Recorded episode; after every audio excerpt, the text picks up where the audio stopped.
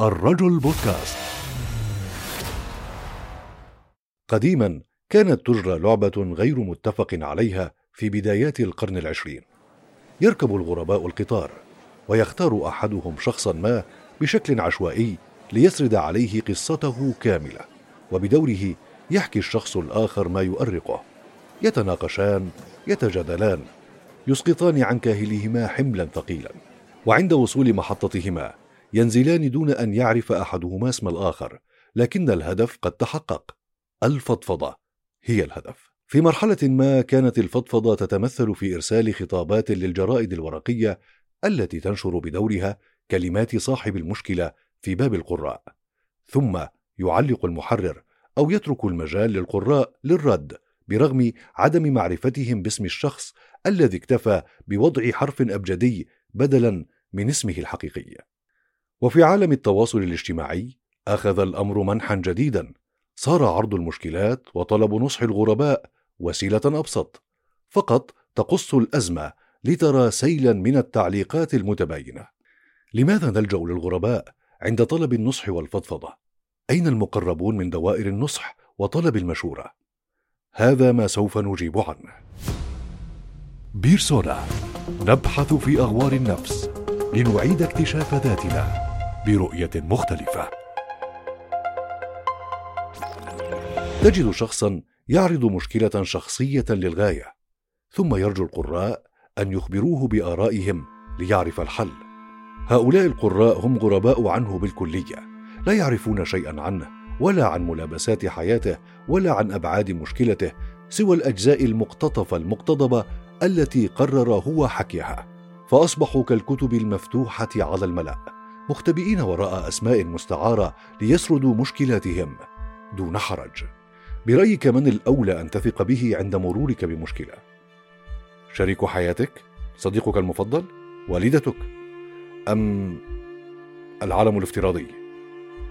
تعقيبا على ذلك أكد ماريو لويس سمول عالم الاجتماع بجامعة هارفارد ومؤلف كتاب Someone to Talk to خلال بحثه أنه في حين أن ثقة البعض تكمن كثيرا في المقربين منهم فإنهم عندما سئلوا عمن شاركوا معه مخاوفهم أو أزماتهم الأخيرة غالبا ما كان الرد اختيار أشخاص عشوائيين. سمي التواصل الاجتماعي بالعالم الافتراضي والبعد الثالث في حياتنا ولكنه أصبح اليوم بعدا اساسيا يكاد يصل إلى المرتبة الأولى في أهميته لدى الكثير حتى أصبح بديلا واقعيا عن العالم الحقيقي. هل يفسر ذلك سبب انتشار الفضفضة الإلكترونية على صفحات التواصل الاجتماعي؟ كيف لا؟ وقد أظهرت عدة دراسات أن وسائل التواصل الاجتماعي باتت ساحة لتبادل المعلومات التي تعكس المشاعر السلبية وبهدف الحصول على المشاركة والدعم نتجت عنه الكثير من الإيجابيات وبالمقابل الكثير من السلبيات والسلوكيات إحداها إفشاء الأسرار وفي عام 1973 وضع عالم الاجتماع في جامعة ستانفورد مارك جرانوفيتر نظرية قوة الروابط الضعيفة معرفا بأنها علاقات اجتماعية تتسم بالاتصال النادر وغياب القرب العاطفي. وفقا لهذا يمكن القول إن المعارف ضمن الروابط الضعيفة هم الأشخاص الذين يقعون في شبكتك الموسعة. وأن انشغال الأهالي والأفراد القدوة عن الأبناء والأقارب قد يجعل الفرد يتعمق في شبكات التواصل والعلاقات الإلكترونية المختلفة والابتعاد عن الجو الحميمي الأسري وقد رأى جرانوفيتر أننا نعتمد على الروابط القوية دائرتنا الداخلية للحصول على الدعم وعلى الروابط الضعيفة معارفنا للحصول على المعلومات. ومن جانب آخر كم انتشرت مجموعات التواصل الاجتماعي المتفلسفة بالمعنى الحرفي فتجد من يصف لك دواء طبيا كأنه طبيب أو ينصحك نصائح حياتية كأنه استشاري اجتماعي. فلا القارئ يحق له أن ينصح ولا صاحب المشكلة يحق له أن يعرض مشكلته لمن لا يعرفهم. حتى مبرمجو بعض التطبيقات الذكية صمموا بعض التطبيقات التي تعني بأمر الفضفضة والبوح.